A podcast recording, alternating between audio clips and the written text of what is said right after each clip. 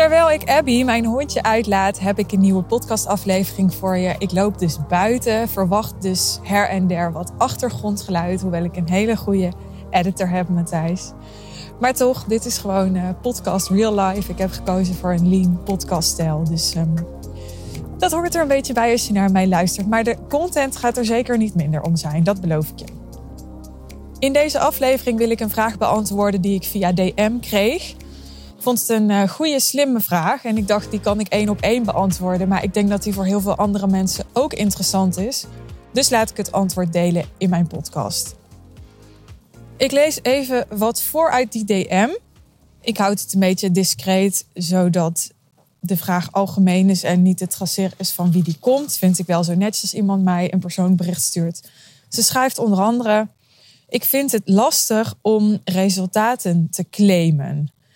Ze werkt met klanten die ze onder andere helpt bij hun gezondheid. En ze schrijft: Gezondheid is zo dynamisch en zo afhankelijk van de input van de persoon en hoezeer het lichaam zelf nog capabel is te herstellen. Ik bereik hele goede resultaten, maar in hoeverre kan ik claimen welke resultaten ik behaal? Ik vind het best lastig om te handelen vanuit zeg wat je zou zeggen als je resultaten kon garanderen. Dat had ze in mijn podcast gehoord, dat dat mijn advies was. En ze schrijft erbij, en dus vind ik het ook lastig om mijn prijzen verder te verhogen. Wat ik zo mooi vind aan dit vraagstuk is dat hier al uit blijkt wat de gelaagdheid is van haar vraag. Wat bedoel ik daarmee? Ik ga er even van uit dat ze deze vraag stelt omdat ze haar prijzen verder wil verhogen. Omdat ze ergens voelt, ik haal supergoeie resultaten en het is het gewoon waard om dat te doen.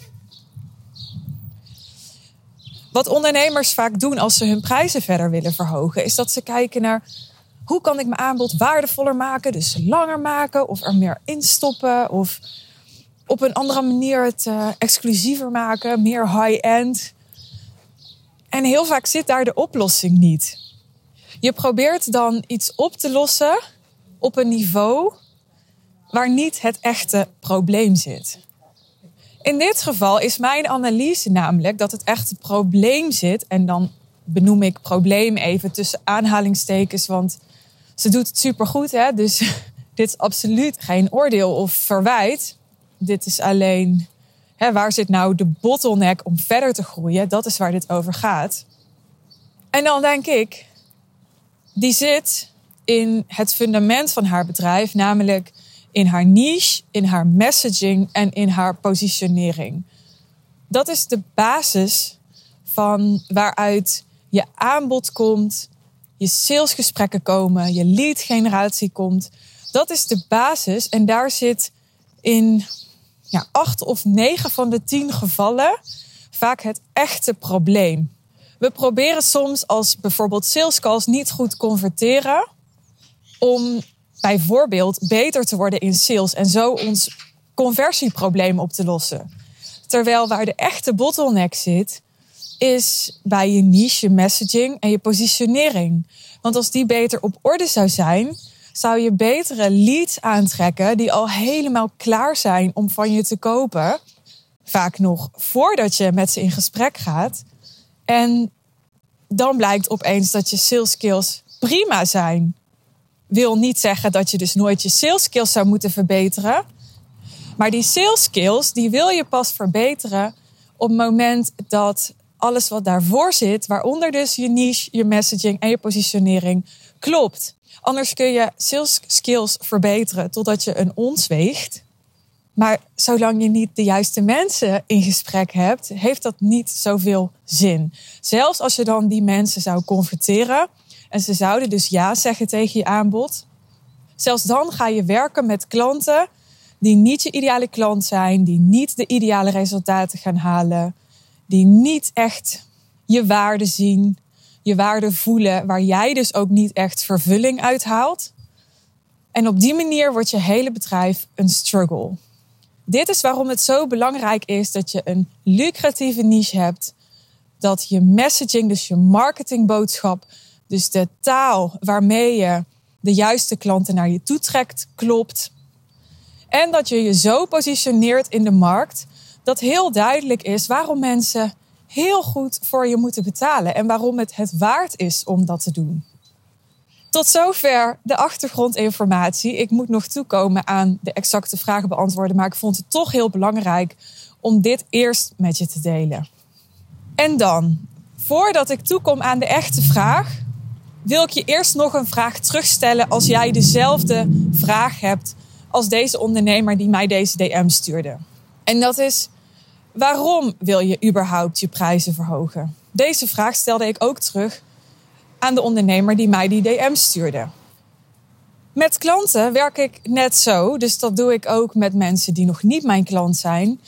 Vaak geef ik niet alleen maar sec antwoord op de vraag, omdat het zo niet werkt. Vaak stel ik eerst een vraag terug. En ik zal je uitleggen waarom, zodat je snapt waarom ik dat doe.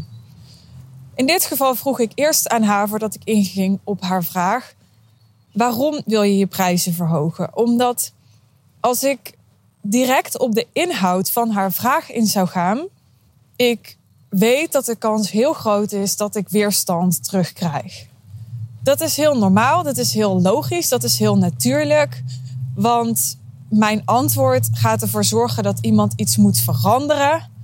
En zeker als je een bedrijf hebt waarin heel veel al goed werkt, dan denk je vaak, jeetje, wat een gedoe en risico. Want hè, wat ik nu doe, dat werkt al en dan moet ik dat gaan aanpassen. En het roept allemaal angst op. Hè, want ja, wat als ik dan opeens mensen ga afstoten die ik nu wel aantrek? En wat gaan mijn huidige klanten daarvan vinden als ik dat ga zeggen of dat ga vragen?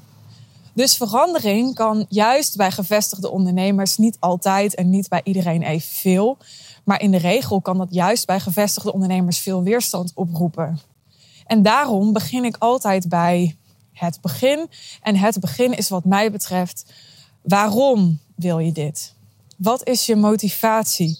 Wat is je verlangen hierachter? Omdat ik namelijk weet dat als jouw verlangen groot genoeg is om te veranderen, dan kun je die weerstand en die angst die bij die verandering komt kijken wel overwinnen. Maar als je motivatie onvoldoende helder is en je zit gewoon een beetje uit nieuwsgierigheid je af te vragen: Goh, hoe zou ik dan die prijzen kunnen verhogen? En ik geef jou dan antwoord en jij denkt: Oh, daar heb ik helemaal geen zin in. Dan ga je het natuurlijk niet doen. Want je hebt helemaal niet helder voor jezelf waarom je dat überhaupt zou willen en wat het voor je kan betekenen en wat dat je op zou leveren. Dus voordat ik met jou, als je mijn klant bent, maar ook als je mijn klant nog niet bent, het over de hoe wil hebben, wil ik eerst weten wat wil je precies en waarom wil je dat. Dus daar ga ik altijd naar terug. Op deze manier ben jij ook altijd het best geholpen. Want hoe kan ik jou nou advies geven over de hoe, dus over je strategie, over wat je plan zou moeten zijn, als ik niet weet waarom je dat überhaupt wil? Dat maakt namelijk nogal uit. Er kunnen allerlei redenen zijn waarom je je prijs wil verhogen. Misschien wil je meer geld verdienen. Misschien wil je meer tijd creëren, doordat je dan minder klanten nodig hebt als je meer verdient per klant. Misschien wil je een klant op een ander niveau die je meer intellectueel uitdaagt. En denk je, nou, de klanten die mij meer gaan betalen, die zitten ook al op een hoger niveau. Dus dan is dat je motivatie. Een reden kan ook zijn dat je merkt dat je gedemotiveerd raakt omdat je voelt ik word gewoon onderbetaald. Ik lever echt veel meer waarde dan waar ik naar betaald word. En dat je daardoor merkt, ja, ik ben niet meer op het toppen van me kunnen aan het presteren. Ik ben niet meer alles uit mezelf aan het halen. Voel je hoe uiteenlopend de redenen kunnen zijn waarom jij je prijs wil verhogen? En dus wil ik eerst weten, waarom wil je dat? Dan kunnen we ook gaan bepalen, is überhaupt je prijzen verhogen wel de oplossing? Want soms heb jij bedacht dat dat de oplossing is voor het probleem dat je ervaart of het verlangen dat je hebt. Maar is dat eigenlijk gewoon een mindfuck? Hè? Dat zou ook nog kunnen. Dus ook dan, en ook daarom, ga ik niet zomaar antwoord geven op je vraag. Maar wil ik eerst weten, waarom stel je deze vraag überhaupt? Want misschien zou je jezelf of mij wel een andere vraag moeten stellen.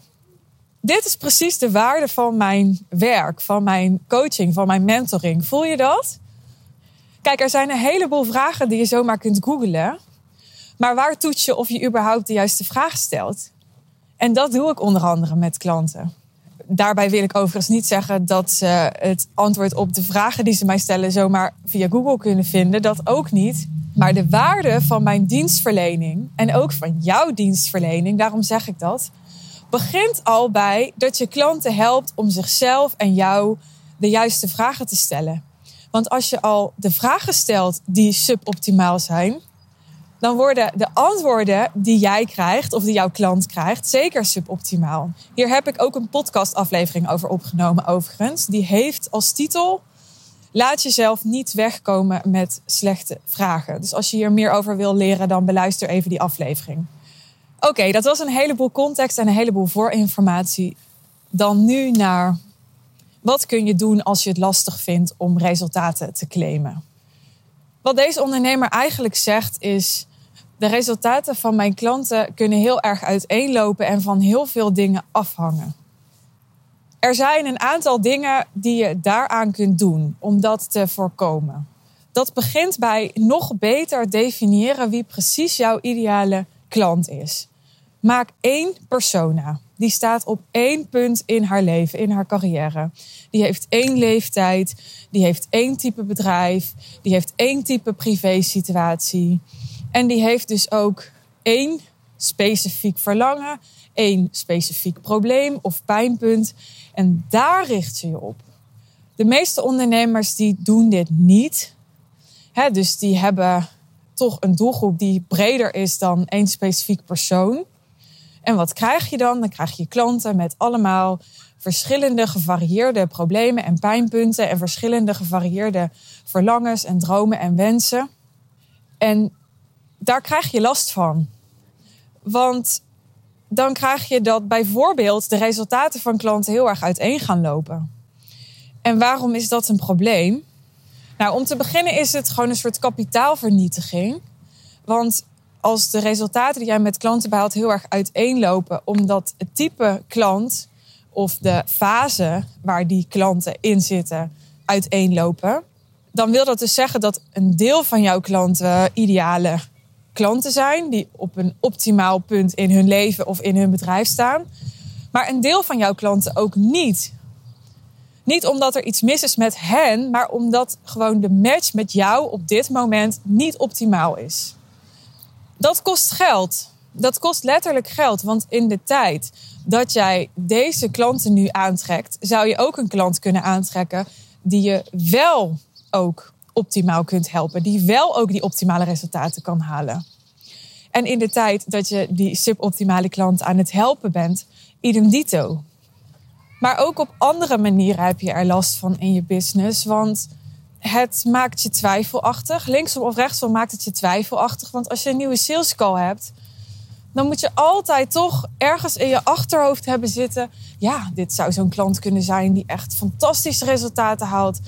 En je moet ook ergens in je achterhoofd hebben zitten. Ja, dit zou ook zo'n klant kunnen zijn. Hè, bij wie het misschien niet helemaal gaat lukken. Omdat, hè, als ik even deze ondernemer die mij een DM stuurde als voorbeeld neem zij helpt dus klanten met hun gezondheid.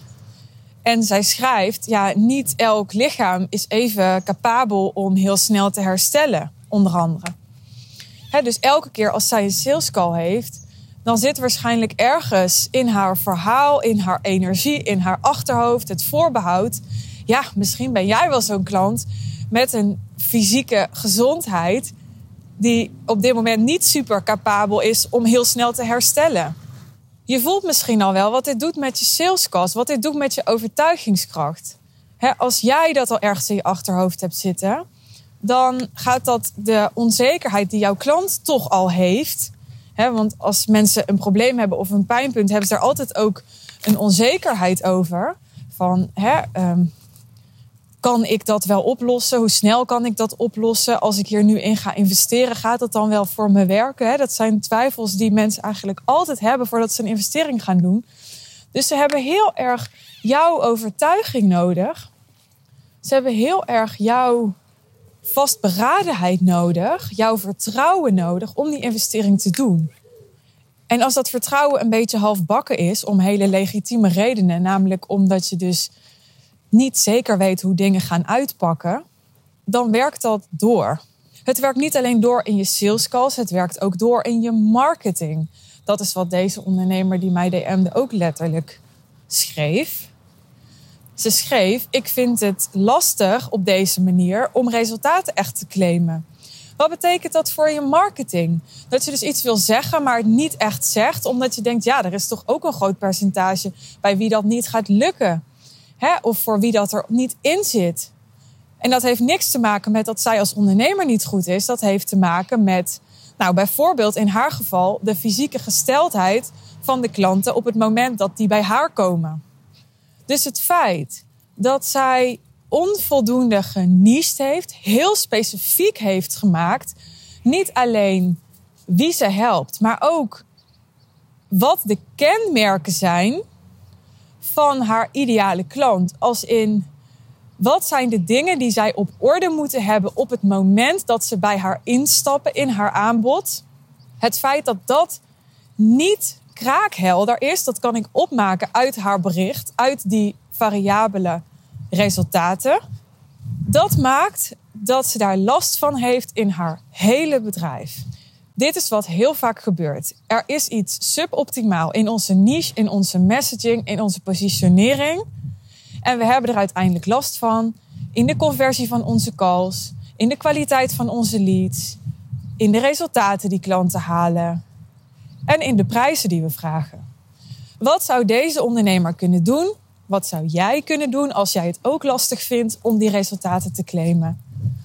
Zorg dat je je focust op mensen waarvan je 98% zeker weet dat het er gewoon helemaal in zit voor hen om snel en relatief moeiteloos die resultaten te halen. En in het geval van gezondheid, dat je mensen helpt bij een fysiek doel, wil je dus heel concreet maken hoe fit iemand al moet zijn of hoe niet fit, hè? afhankelijk van uh, wat jouw bedoeling is, iemand al moet zijn om het optimale te kunnen halen uit jouw dienstverlening, uit jouw aanbod. En misschien moet je daarvoor wel een soort nulmeting doen. Hè? Misschien moet je daarvoor wel beter doorvragen tijdens de sales call. De meeste ondernemers laten hier te veel liggen, zijn hier te gemakkelijk in. Met de allerbeste intenties. Hè? Dus ik wil niet hiermee met je met het vingertje wijzen. Zo van, hé uh, hey, Suffie, waarom doe je dit zo? Nee, met de allerbeste intenties, want je wil iedereen helpen. Je ziet bij iedereen mogelijkheden. Je kunt allerlei verschillende type mensen helpen ook. Dat weet ik. Dat geldt voor mij net zo. En toch, om uiteindelijk de meeste mensen op de beste manier te kunnen helpen, moet je specifieker zijn. Moet je kritischer zijn. En dat begint dus niet eens bij uh, de selectie van je sales calls. Dat begint bij je niche bepalen, je messaging bepalen en van daaruit uh, de content die je deelt. Want met die content, met die niche, met die messaging ga je wel of niet de juiste mensen aantrekken. Ga je wel of niet die optimale of die suboptimale klanten met die optimale of die suboptimale resultaten aantrekken. En dit is ook zo enorm wat ik beteken voor klanten. Dat ik met je ga uitpluizen, met je ga ontleden Waar zit het hem nou eigenlijk precies? Want 9 van de 10 keer als jij een blokkade ervaart, een struggle ervaart, zit die niet op het punt waar jij denkt dat die zit. En dan kan je boeken gaan lezen en trainingen gaan volgen tot je een ons weegt. Maar dan ben je het probleem, daar begon ik deze aflevering al mee, op het verkeerde niveau aan het oplossen. En zelfs als je het dan opgelost krijgt, tijdelijk, hè, dus zelfs als je dan in het geval van het voorbeeld van de sales skills je sales skills verder zou verbeteren en het lukt opeens wel om de klanten binnen te halen, dan nog ga je later het probleem opnieuw als een boemerang in je gezicht terugkrijgen, omdat je allemaal klanten hebt die eigenlijk niet in je aanbod horen, aan wie je wel hebt verkocht, omdat je zo goed bent geworden in sales, maar die niet de optimale resultaten gaan halen en die dus ook niet voor duurzame groei van je bedrijf gaan zorgen. Hierom is het zo belangrijk om iemand naast je te hebben die precies met je kan uitvogelen. Maar dit is jouw probleem en dit is waar je het op moet lossen. Anders duurt het zo enorm veel langer en ga je zo enorm veel meer pijn lijden voordat je echt duurzaam en hard groeit. Dat is enorm zonde. Nou, dat was best een uitgebreid verhaal hè, voor een kleine vraag als uh, hoe kan ik ermee omgaan dat ik het lastig vind om de resultaten van mijn klanten te claimen. Maar dit is wel het antwoord dat je nodig hebt, daar ben ik van overtuigd. Ik hoop dat het je geholpen heeft. En mocht je naar aanleiding van deze aflevering nog vragen hebben, dan je weet het. Je bent super welkom om me even een DM te sturen op Instagram. Mailen mag ook als je dat liever doet. Je kan mailen naar info.suzannevanschaik.nl En ja, laten we vooral contact maken. In plaats van dat je een anonieme luisteraar blijft. Want daar begint jouw echte transformatie. Bij het gesprek aangaan. Kijken waar voor jou de mogelijkheden liggen. Want die zijn er, ook voor jou. En ik hoop dat deze aflevering je daarin geprikkeld heeft. Dit was hem weer. Ik hoop dat je de volgende keer weer luistert. Heel graag tot dan. Bye bye.